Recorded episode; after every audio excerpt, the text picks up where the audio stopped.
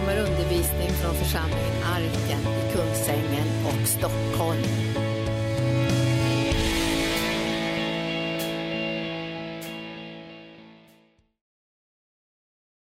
Prisar och tackar dig himmelske Fader för att du har sänt din son Jesus Kristus. Han är här med oss den här kvällen, närvarande genom sin ande och genom sitt ord och vi ber att vi ska få ett riktigt intryck utav honom in i livet så att det som vi gör och det som vi tänker, det som vi väljer, steg som vi tar, allt det här ska genomsyras av att vi har mött honom. Vi känner honom, vi ser honom för oss och vi förstår vilken väg som han går på så att vi kan gå på densamma. Vi tackar dig Herre för att vi har en sån underbar eh, frälsare i Jesus. Vi tackar för att vi har en sån underbar Gud. Vi överlåter oss till honom nu i Jesu namn. Amen. Tack lovsången. Vi ska gå till eh, eh, Andra Timoteusbrevet den här kvällen. Eh, ja, det är ju så här att ehm, eh, livet, livet är ju inte bara Guds vilja, om vi säger så. Eh, vi, vi ser ju att det, det händer många saker i livet och det är många saker man stöter på i livet som är jobbiga och man kan fundera lite grann över liksom på vilket sätt som man egentligen är ansvarig för vad som händer en. Och, och eh, det är ju eh, det är lätt att börja tänka så här, ja, det, det är därför att jag var si och sån och det var därför att jag inte, har- inte har varit tillräckligt så här och jag har inte liksom kämpat tillräckligt eller jag har inte liksom eh, brutit med de här svagheterna, de här synderna eller så här tillräckligt snabbt och jag, jag har inte skött mig på det sättet jag ska. Och det är därför har jag denna svåra, liksom, svåra livssituation och här, därför har jag all den här kampen och all den här, det här, det här det här kämpiga som finns liksom runt omkring mig och därför fungerar inte sakerna och därför så får jag inga bönesvar och allt vad det är man kan sitta och tänka. Men ni förstår, eh, eh, eh så, där, eh, så där talar man inte egentligen i Bibeln. Så att om man börjar liksom läsa Bibeln istället och tar lite intryck mer av den så tappar man bort de här konstiga liksom, eh, bestraffningarna som står och väntar på en liksom runt varje hörn. Utan man får istället tag i det där som, som Gud har tänkt. Alltså, nu, är det, nu lever vi i det som vi kallar för nådens tid. Det finns möjligheter att få, få, få räddning och hjälp eh, utan att ha förtjänat det. Alltså han är, vi har en Gud som är så god så att vi, eh, så att vi får massa saker utan att förtjäna det. det skulle, därmed kan vi varenda en vara kandidat för allt möjligt som vi liksom är helt orimligt. Ja, det är, han är orimligt god.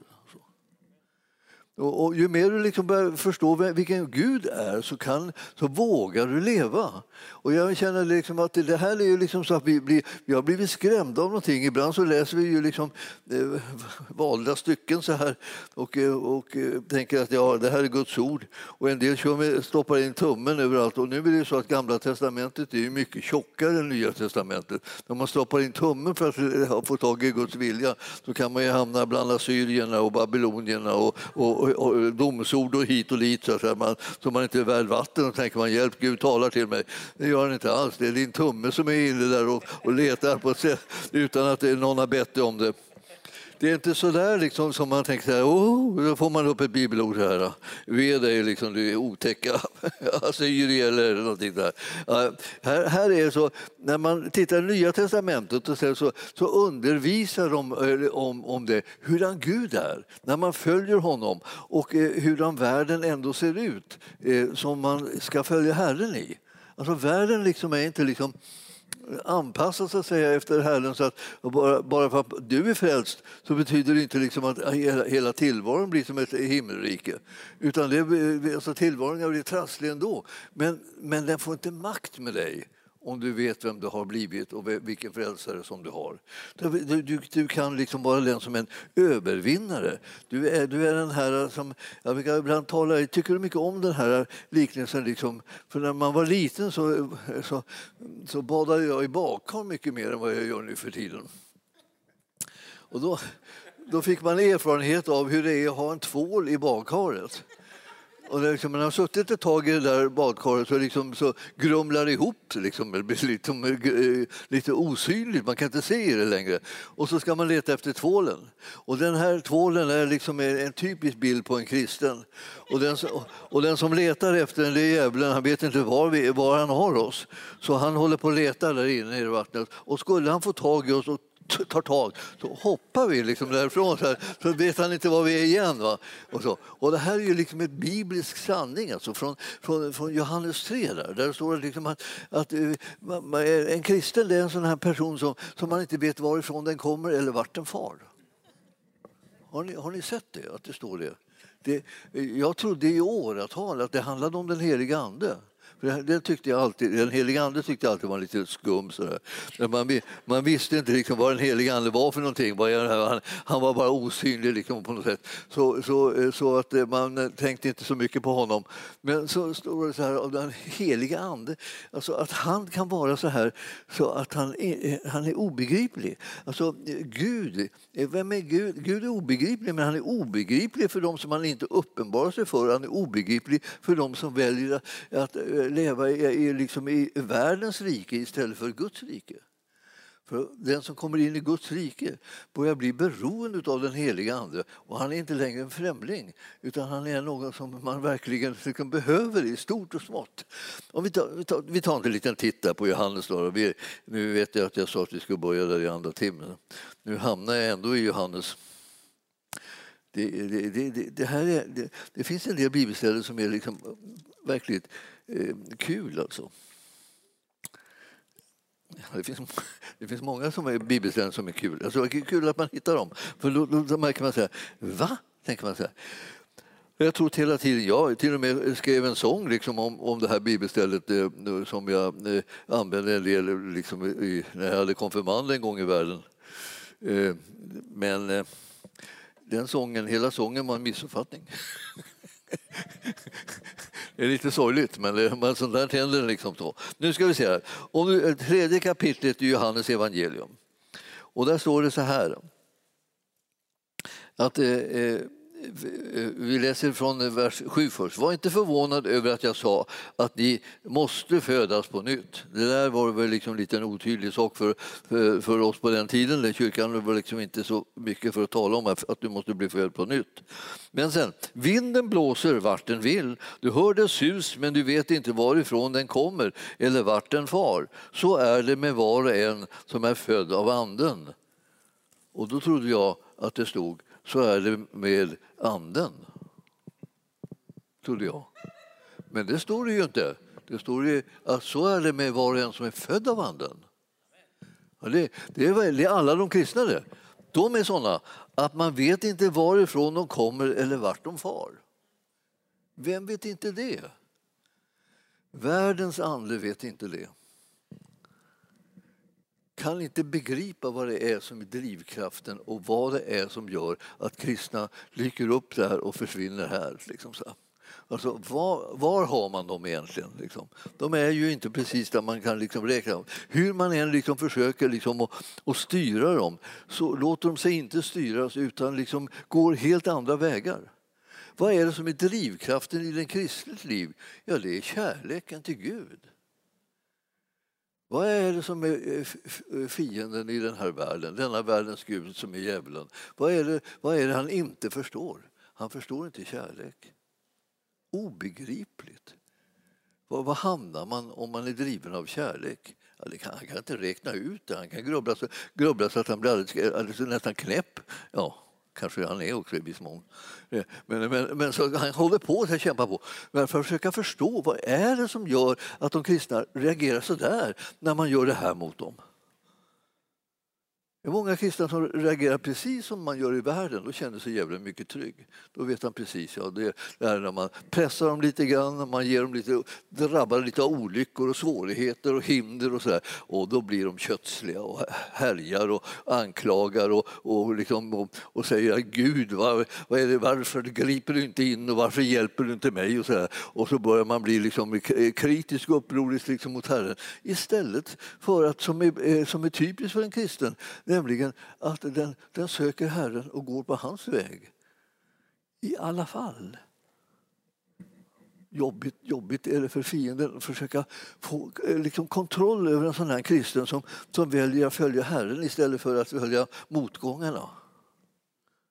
Svårigheterna och pressen som man råkar ut för. Alla kristna råkar ut för pressen.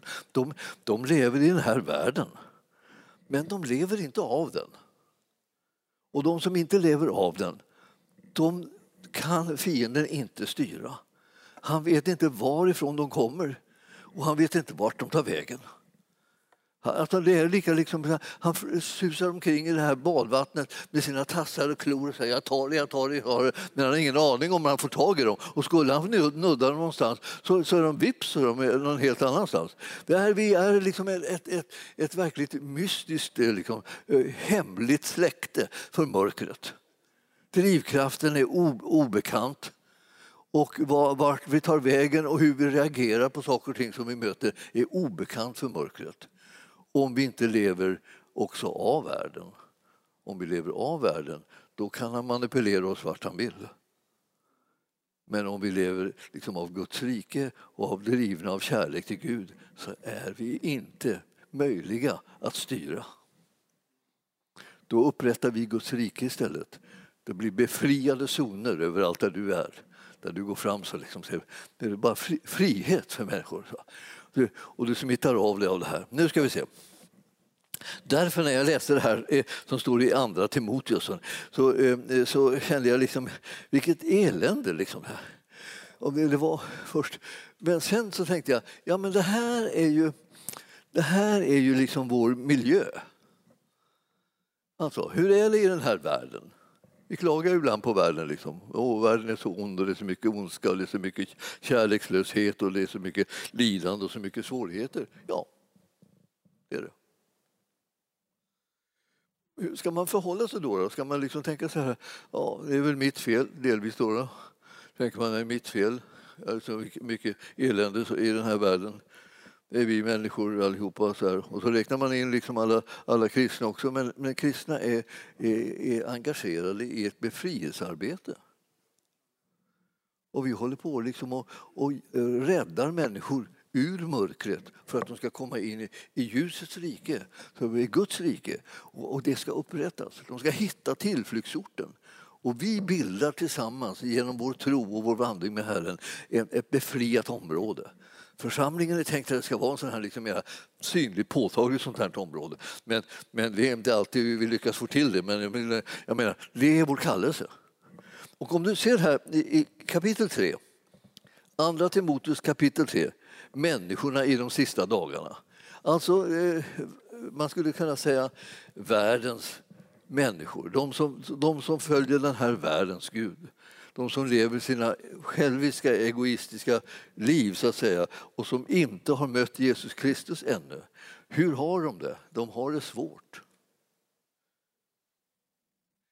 Och eh, då står det så här, det ska du veta, säger Paulus nu, då, för nu håller han på att undervisa Timoteus som var en av hans närmaste medarbetare en ung, ivrig, brinnande man som, som ville följa Herren. Men då säger han till honom så här för att, att verkligen tala om för honom, du ska inte vara överraskad av hur det är här i livet. Så att du bara tänker att, att om Gud om Gud bara liksom grep in på något sätt så skulle han kunna ta bort allting. Så, så ungefär som att vi, eh, vi ber bort djävulen. Vi kastar ut honom eh, från jorden liksom, och så är saken löst. Liksom. Vi, tar, vi går rakt på kärnan och så tar vi bara se till att han Eh, ut här. Men så det, han är här därför att han har fått mandat att vara här. Han har fått liksom, från människan en, en lov att vara här. Och eh, vi som väljer eh, Gud som vår Herre, vi håller på att befria området. Men där vi har befriat området, där har djävulen ingen rätt att vara. Men hela världen, står det, i den ålders våld för övrigt. Därför blir det så här. Det ska du veta att i de sista dagarna ska det eh, komma svåra tider. Människorna kommer att älska sig själva och vara penningkära, skrytsamma, stolta, hånfulla, olydiga mot sina föräldrar, otacksamma och gudlösa, kärlekslösa, oförsonliga, skvalleraktiga, obehärskade, råa, fientliga mot det goda, falska, egensinniga och högmodiga. De kommer att älska njutning istället för Gud och ha ett sken av gudsfruktan men förneka dess kraft. Håll dig borta från dem. Alltså, allt det där som man kan säga, det där vill vi inte ha. Nej, men de som, de som håller på med det, de ska vi inte liksom vara, ha allra närmast våra, vår, vår, i vårt liv. Utan vi måste förstå att det här liksom är, är präglat av världens och världens makter. Och vi behöver liksom se till att vi inte liksom blir så påverkade av det så att vi liksom drunknar i den här soppan som vi nyss läste upp. Det här är världens anda som, är, som får den här typen av frukt. Bland dem finns sådana som smyger in i, i hemmen och snärjer svaga kvinnor som är tyngda av synder och drivs av många slags begär och som ständigt undervisas men aldrig kan komma till insikt om sanningen. Liksom Jannes och Jambres satte sig upp mot Moses, så, så står dessa män emot sanningen. De är människor med ett fördärvat sinne och deras tro håller inte provet. Men de kommer inte längre, än att ha, eh, kommer inte längre att ha någon framgång. Deras galenskap ska bli uppenbar för alla, liksom fallet blev med Jamnes eh, och, eh, Jamnes och Jambres. Det, här liksom, det, det finns liksom ett, ett, ett råd, håll dig borta från det. Så, så, så, ni vet om man läser Psaltarpsalmen så börjar man första Psaltarpsalmen så står det att, eh, att man ska inte sitta där bespottare sitter. Det vill säga, där slår man sig inte ner. För om man slår sig ner där eh, då, då, då kommer man bli påverkad av det så att man, man dras in i det, eh, den, den världen. Men, men vad ska man göra då? då? Men bespottare älskar inte Gud också liksom alla människor? Då? Jo, det gör han. Jo, du ska göra bara besök. Du ska bara liksom komma in och tala med dem och försöka rädda dem ut ur den här situationen. Du slår dig inte ner där och delar livet med dem. För där, då, då, då kommer du, all din kraft kommer liksom sila på något vis. Du kommer in och det börjar påverkas av det som liksom tar musten ur dig, modet ur dig. Till slut vågar du inte säga någonting.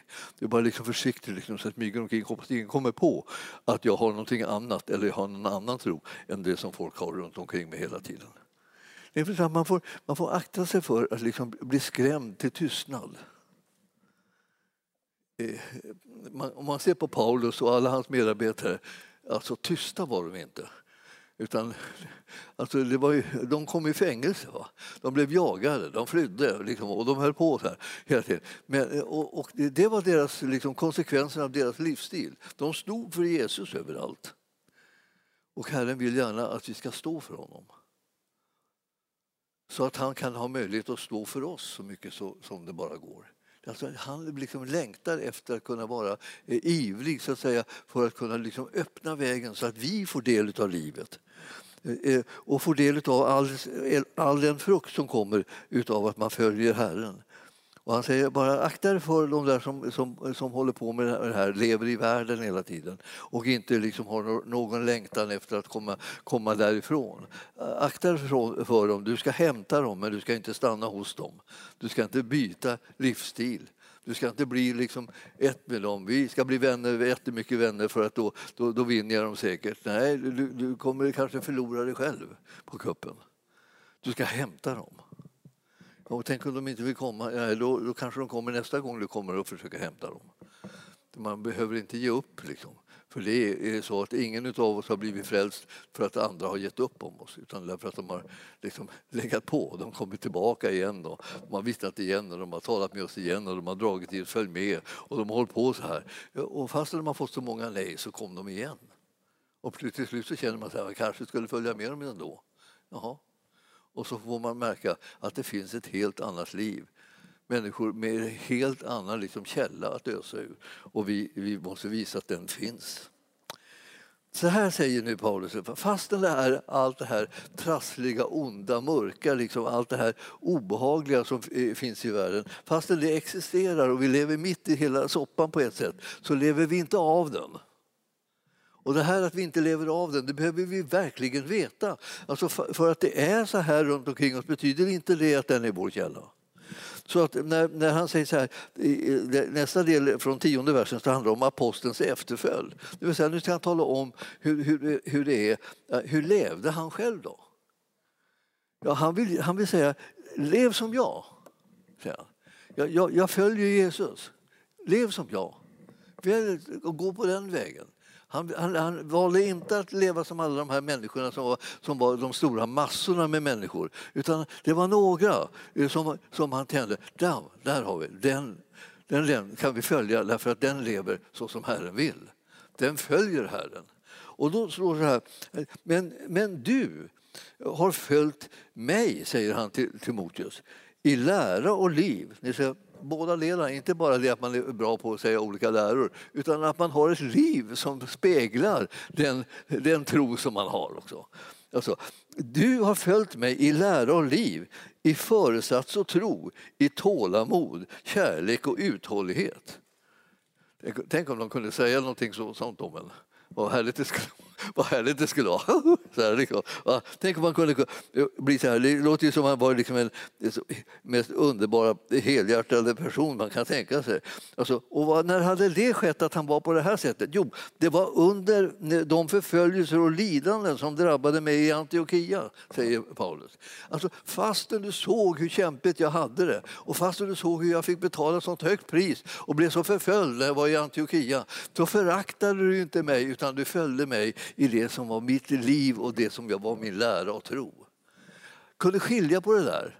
Så att man inte tänkte att han blir så förföljd, liksom, måste, han måste, nu, åh, nu hände den här svårigheten och nu blir de, smutskastar de liksom församlingen eller nu, nu talar de illa om den eller nu talar de liksom, kritiserar de de kristna och så här. Åh, det måste vara något fel på det här med att vara kristen. Nej, det, det är fienden som håller på att attackera det därför att det är något rätt med det här att vara kristen. Det finns någonting som är där som man måste se till att det försvinner annars så börjar ens eget rike så att säga, vackla och sväva liksom i mörkrets, mörkrets makter blir oroliga av att det finns människor som, som väljer att gå en helt annan väg och som inte låter sig styras av det som är omständigheterna. Se så det ser ut. Liksom.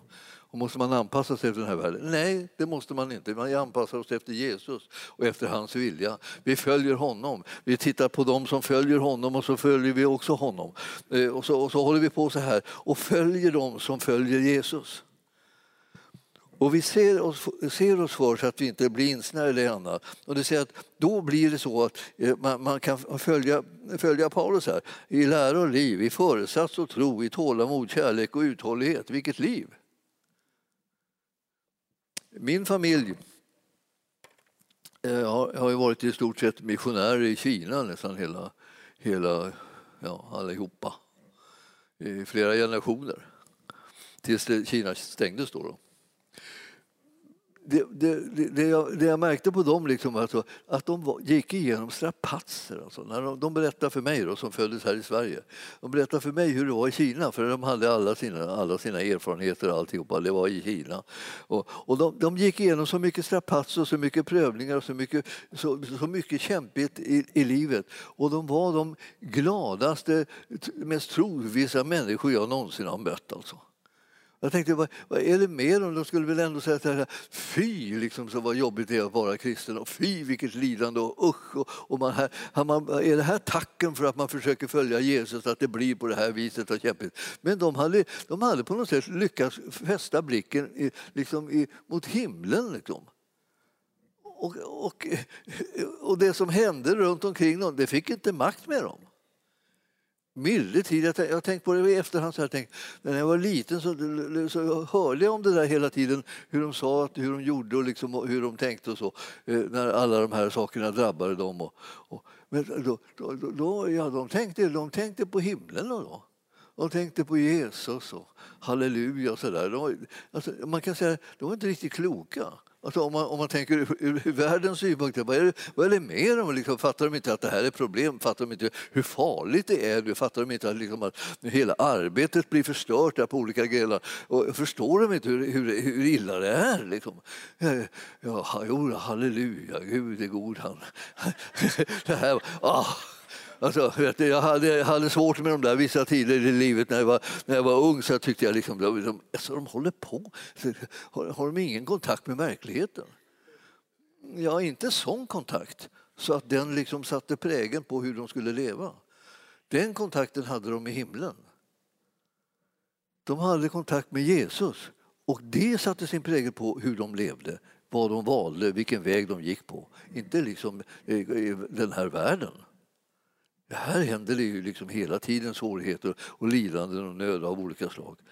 Och det var mycket förföljelser. Liksom och, och, alltså, jag, jag har aldrig, aldrig, hört, jag tänkte så här, jag växte upp med att, att eh, få information om rövaröverfall.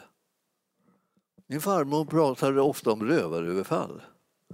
Hon bodde hemma hos oss. Hon berättade om rövaröverfall. Vi hade morgonandakter hon och jag.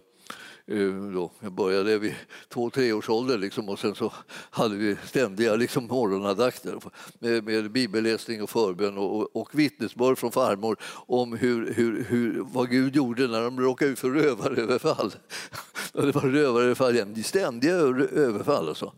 Eh, och, och, det var därför att soldater eh, som, som inte fick ha något krig att kriga i, de blev rövare. Så de bara bytte liksom. Så gick de över i det civila, så kan man säga. Och, så, och i det civila var de rövare. Och sen, och sen var det dags för krig igen. Då, de, då gick de över till armén. Alltså. Och, och, då var de krigare. Då. Så att det, det gällde att det pågick lite krig här och där, för annars var det för mycket rövare hela tiden. Och då liksom attackerade de då liksom städerna och, och byarna och, och, och, eh, och, de vita jävlarna som de kallade eh, missionärerna. Liksom eh, under boxarupproret. Ja, nu ska jag inte komma in på det. Jag, jag bara säger det, att det omständigheterna fick inte makt med dem. Det här är den, den fantastiska sanningen. Liksom. Det här är någonting som du och jag liksom behöver lära oss hela tiden. Omständigheterna ska inte ha makt med oss. Det är Herren som ska ha makten i vårt liv. Så vi säger till honom att det, det, är du Herre som får leda mitt liv. Det är du som får visa mig vägen. Det är du som ska säga vad jag ska göra i olika situationer. Jag tänker inte rätta mig efter den här onda omständigheten, den här svåra situationen eller det här lidandet. Det, det ska inte ha makt med mig. Utan det som ska ha makt med mig är du. Och och, du vet att det där måste man ju träna upp. Liksom. Det är inte den spontana eller naturliga bara liksom, sättet som man reagerar på. Utan det, det måste man så småningom liksom få, få in i, liksom, i hjärteroten. Det är Herren som ska styra här. Så även om jag liksom känner så här, oh, alltså jag blir liksom jätteledsen över att det händer saker och ting eller, eller liksom blir, blir, blir, blir arg över någonting istället. För, så, vad är det Herren vill att jag ska göra i den här situationen? Det måste jag fråga mig. Och jag måste hitta den vägen. Och här var det liksom den värld som de levde i. Konstant förföljda, jagade liksom eh, hela tiden, fängslade, straffade, piskade, allt vad de har för någonting. Men, men vad gjorde de för någonting? Ja, ja, de, eh, han säger, titta på hur jag lever i lära och liv. Alltså i, min, i för, mina föresatser och min tro, i mitt tålamod och min kärlek och min uthållighet. Ta exempel av det, säger Paulus till Timoteus. Då. Och Timoteus han, han var ju liksom lite yngre, han, hade, kände, han var ju lite mera så att säga, inte så härdad kan vi säga, som Paulus var. Utan, men han höll ju på att lära sig. Och han hade ett hjärta liksom, av guld. Och, det, och så, så, står det så här. Alltså, under förföljelserna och lidanden som drabbade med Antiochia så föraktade du mig inte och tänkte inte den där mannen kan inte vara Gud för Gud beskyddar honom inte. Eller hur det var i Ikonium och Lystra. Ja, det var ju sådana förföljelser. De, de, tog, de tog ju döda ju Paulus där vid ett tillfälle och eh, drog ut honom ut, utanför staden och kastade upp honom liksom på en sophög. Och, och, och syskon, liksom, trossyskonen kom ut där och, och bad och så och han uppväcktes. Så till en milda grad så att han gick in igen och fortsatte att predika. Då tog det. Sen kom, kom den som var död in igen och började predika vidare. Du vet, då, då, då förstår man. Liksom. Han, han gick inte hem och grinade. Liksom. Eller liksom säger, är det här tacken liksom, för att jag liksom försöker föra ut evangelium? Liksom. De slår ihjäl mig. Liksom. Ja, han kanske inte ens tänkte att han, han, skulle kunna säga någonting då när han var ihjälslagen, men låt, låt säga ändå att, att han liksom, okay, protesterar mot liksom behandlingen. För att han menar, så här ska det inte se ut. Om jag nu gör upp, upp, uppoffringen att föra ut evangelium med fientligt sinnade människor så borde jag väl ändå få lite belöning. Inte hamna i sådana här saker. Han, han ska ju rädda oss ur allting, står det. Ja, men han räddade Paulus ur allting så att säga, ständigt och jämt. Det var bara det att han stötte hela tiden på det därför att han hade en uppgift att konfrontera mörkret och, liksom, och befria människorna som så bara i den ondes våld. Det är klart att det blev liksom krig. Och då måste man säga och då, då, då gäller det att medarbetarna inte föraktar den för att man blir attackerad. Om du, om du har en pastor som liksom, liksom blir förtalad, alltså då, då ska du inte liksom tänka ja det ligger någonting i det, han är inte klok. Alltså, och jag kommer ihåg hur han gjorde och jag kommer ihåg det och jag kommer ihåg det här, vilken brist han hade och jag kommer ihåg det. Vad gör du för någonting? Du gör gemensam sak med mörkret. Han säger liksom, följ Jesus. Och Jesus som skulle kunna kritisera vem som helst då, om det liksom, och, och har rätt. Eh, han, eh, han väljer att visa oss nåd och barmhärtighet när våra svagheter kommer i dagen. Så, vi ska likna honom. Ja, det, eh, och vilka förföljelser har jag inte fått utstå? Och ur alla har Herren räddat mig, sedan. Jag kunde han inte räddat mig i förväg?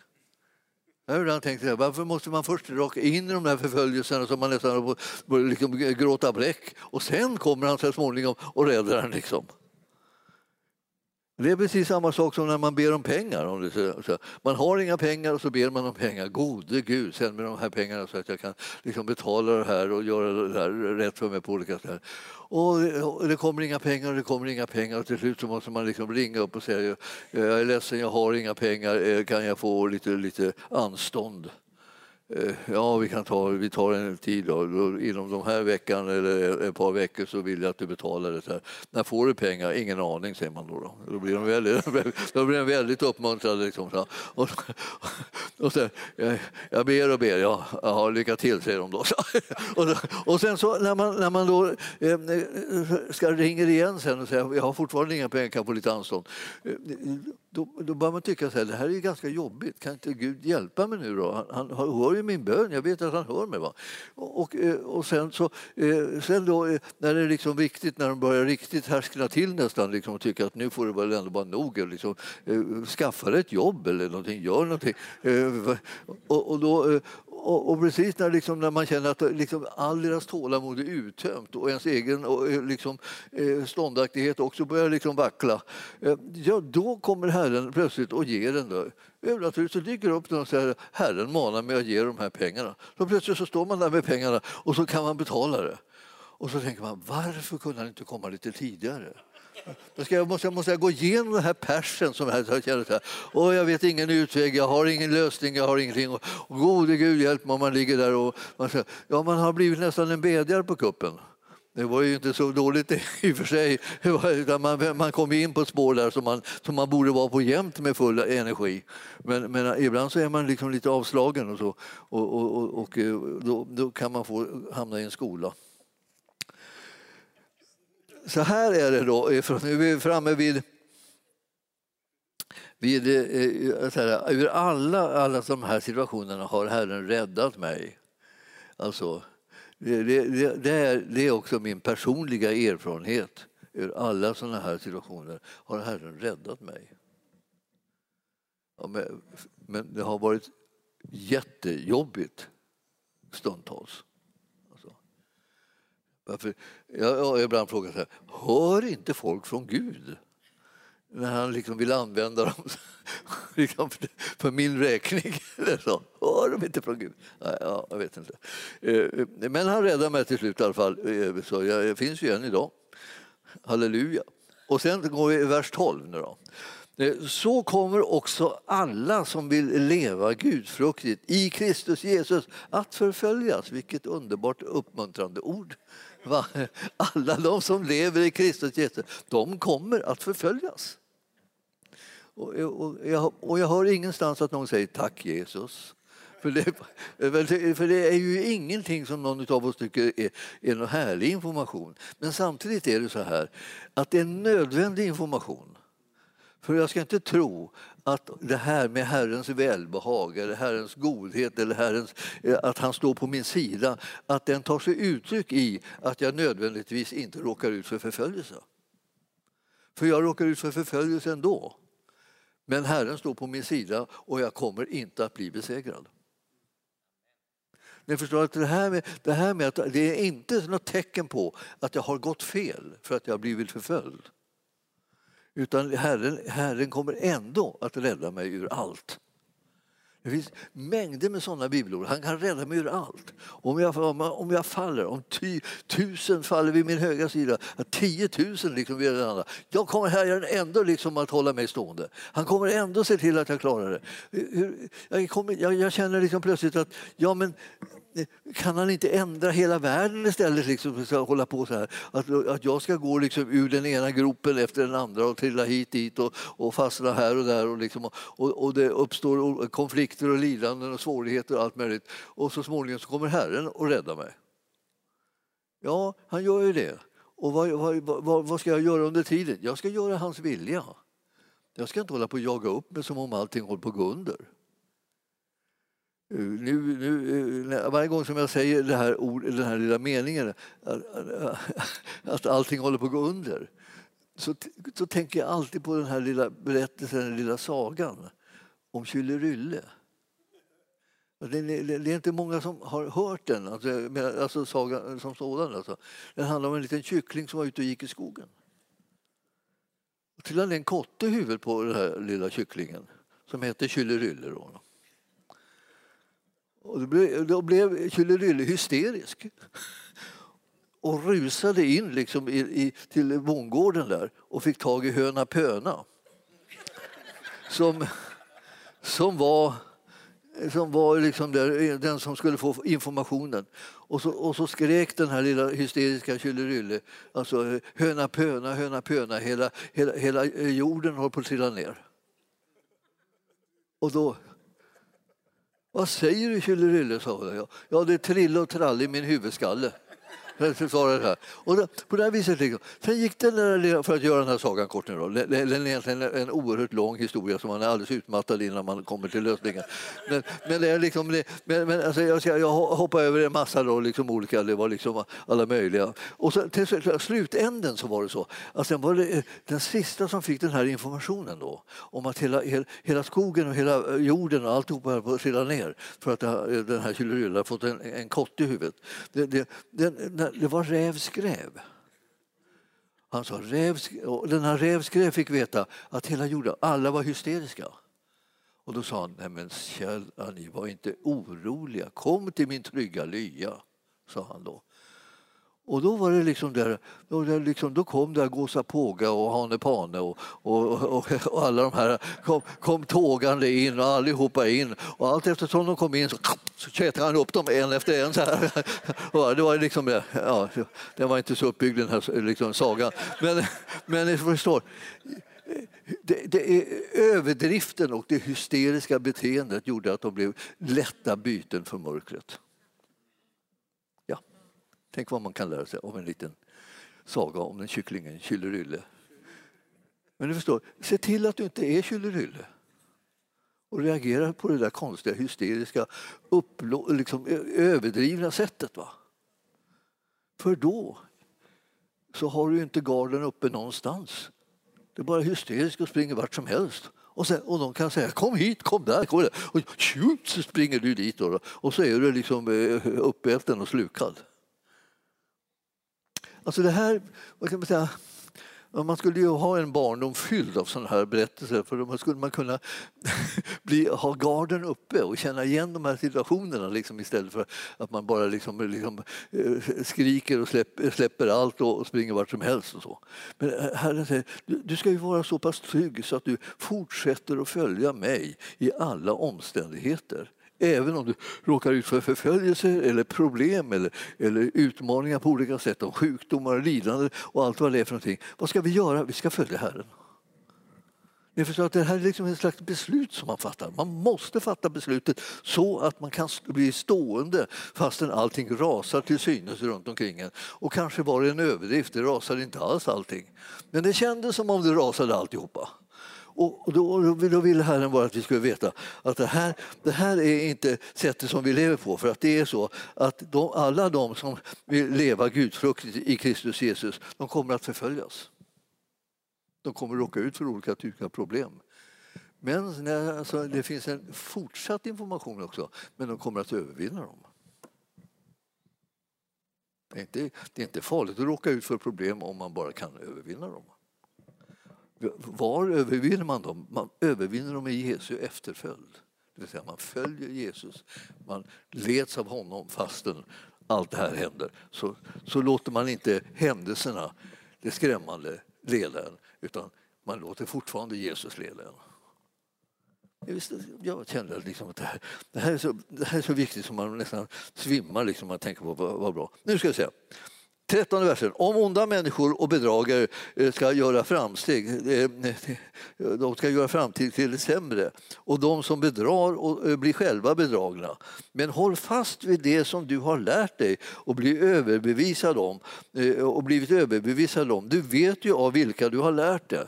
Vem, du ska den som har lärt dig att leva, den som du känner, den som du har förtroende för. Och, och det är ju ytterst liksom Jesus. Honom ska du hålla fast vid den lära som han har gett dig. Det som han har undervisat dig om, det som han har liksom lärt ut och det han har tränat dig i. Håll fast vid det under alla omständigheter. Vi, är så, vi, vi, vi tänker så här, ja, om det inte blir, om det här löser sig, om det inte blir bra, då, då, då, då, då måste man ge upp. Det måste man inte alls. Det är massor med saker som inte, inte löser sig i första taget. Men man kan, man kan ta sig rakt igenom det därför att Herren har lärt en att det här, den här vägen går vi på. Här, här går vägen, vandra på den. Har ni hört det? Alltså, det finns, Herren har sagt så många gånger till oss de här sakerna att fastän det ser ut som kaos och liksom fullkomligt omöjligt så säger han gå här. Och då tänker du så här, det finns ju ingen väg där. Ja, gå bara här. Och så sätter man igång och går och vägen liksom uppstår liksom allt eftersom stegen tas faktiskt. Ja, jag är strax färdig. Det här, Eh, eh, håll fast vid vad du har lärt dig. Ja. För du vet ju vilka som har lärt dig det. Och, och, och, eh, I det här fallet så var det så att Timoteus hade lärt av Paulus. Och han säger, ha förtroende för mig. Du har sett hur jag lever. Du har sett hur mitt liv ser ut. Du har sett hur jag har gjort val i olika situationer. Håll fast vid det. Titta på det. Kom ihåg att det var så det var.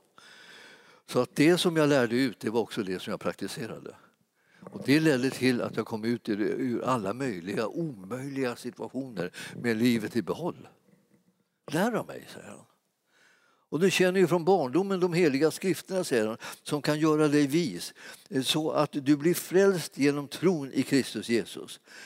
Hela skriften är utandad av Gud, nyttig till undervisning och till bestraffning, till upprättelse, till fostran i rättfärdighet för att en gudsmänniska ska bli fullt färdig, väl rustad för varje god gärning. Och det är liksom avslutande versen. Det. Du förstår att skriften talar om hur de här sakerna är.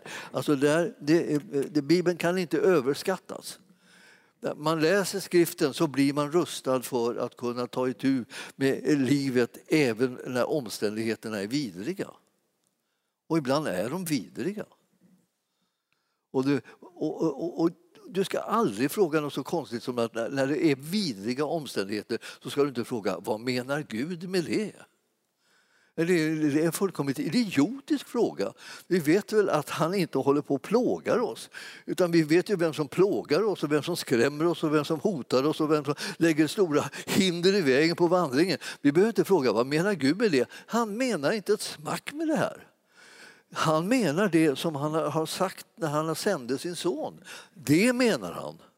Om du vill veta vad han menar, se på sonen. Följ sonen, då vet du precis vad han menar. Du vet, du vet precis vart du ska gå, du vet precis vad du ska välja. Det är inget särskilt komplicerat om du inte tror att Gud menar någonting med det onda hela tiden. Det är djävulens verk. Är vi överens? Jag vill... Ja, bra då känner ni ju till liksom, vem, vem ska få makten i mitt liv.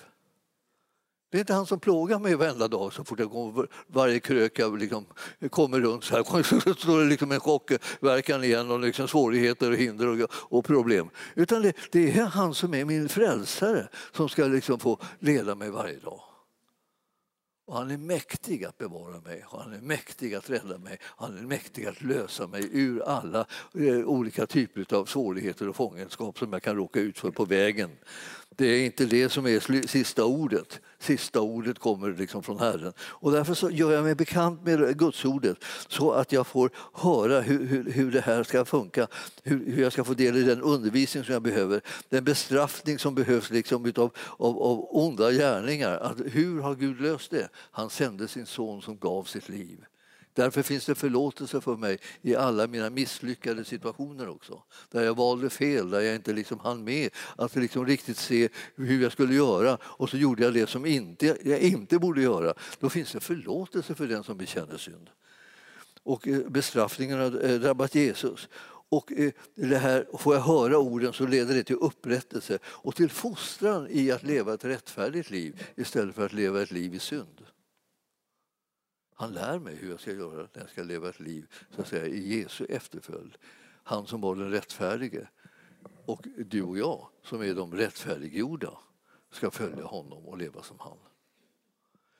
Så himmelske Fader, vi ber att du, du ska visa oss liksom hur vi ska förhålla oss till den här världen och hur vi ska förhålla oss liksom till det Guds rike som Jesus har upprättat här. Himmelriket liksom är mitt ibland oss har Jesus sagt. Och vi, vi förstår att där han är, där, där, där råder hans vilja. Och vi vill vara där han är och vi vill göra hans vilja. Oavsett vad, hur omständigheterna runt omkring oss ser ut. Vi låter oss inte imponeras av alla svårigheter och hinder som fienden liksom, eh, eh, eh, liksom bygger upp och, så här, och för att skrämma oss och hindra oss att göra Herrens vilja. Utan vi väljer ändå att göra Herrens vilja och när vi gör det så vinner vi seger. Och vi tackar dig Herre för att du bevarar oss allihopa. Att du lär oss att liksom inte bli rädda i onödan. Liksom för att det är ju så att du har redan liksom vunnit segern och segern har du givit till oss så att vi kan vara trygga trygga i den här världen. Och även om världen inte ändrar sig eh, nämnvärt så kommer vi ändå då att vara trygga i den och veta att det här är vår uppdrag är att rädda människor från mörkret in i den älskade Sons rike. Det, det, det finns en plats för dem allesammans, alldeles oavsett vilka de är och alldeles oavsett vilket liv de har levt så kan du som är den store frälsaren rädda dem. Och vi är de som kommer med det här underbara budskapet till dem och säger låt försona er med Gud. Gud. Och vi prisar dig Herre för att det är försoningens ämbete som vi har fått. Det är ett ämbete som vi frimodigt kommer att liksom praktisera inför människorna så att de får veta var ligger utvägarna, var finns räddningen, var finns utgången, var finns upprättelsen, var finns hjälpen som vi behöver? Den finns i Jesus Kristus. Alla de som är i Jesus Kristus, de är de som har övervunnit det onda och de de som har trampat synden, döden och djävulen under fötterna fötterna därför att de är i Kristus Jesus och han har gjort det verket. Jag prisar det Herre för att vi får lära känna honom allt mer och djupare och djupare och kan känna oss trygga i livets alla förhållanden. I Jesu namn och församlingen sa Halleluja, prisad vare Gud.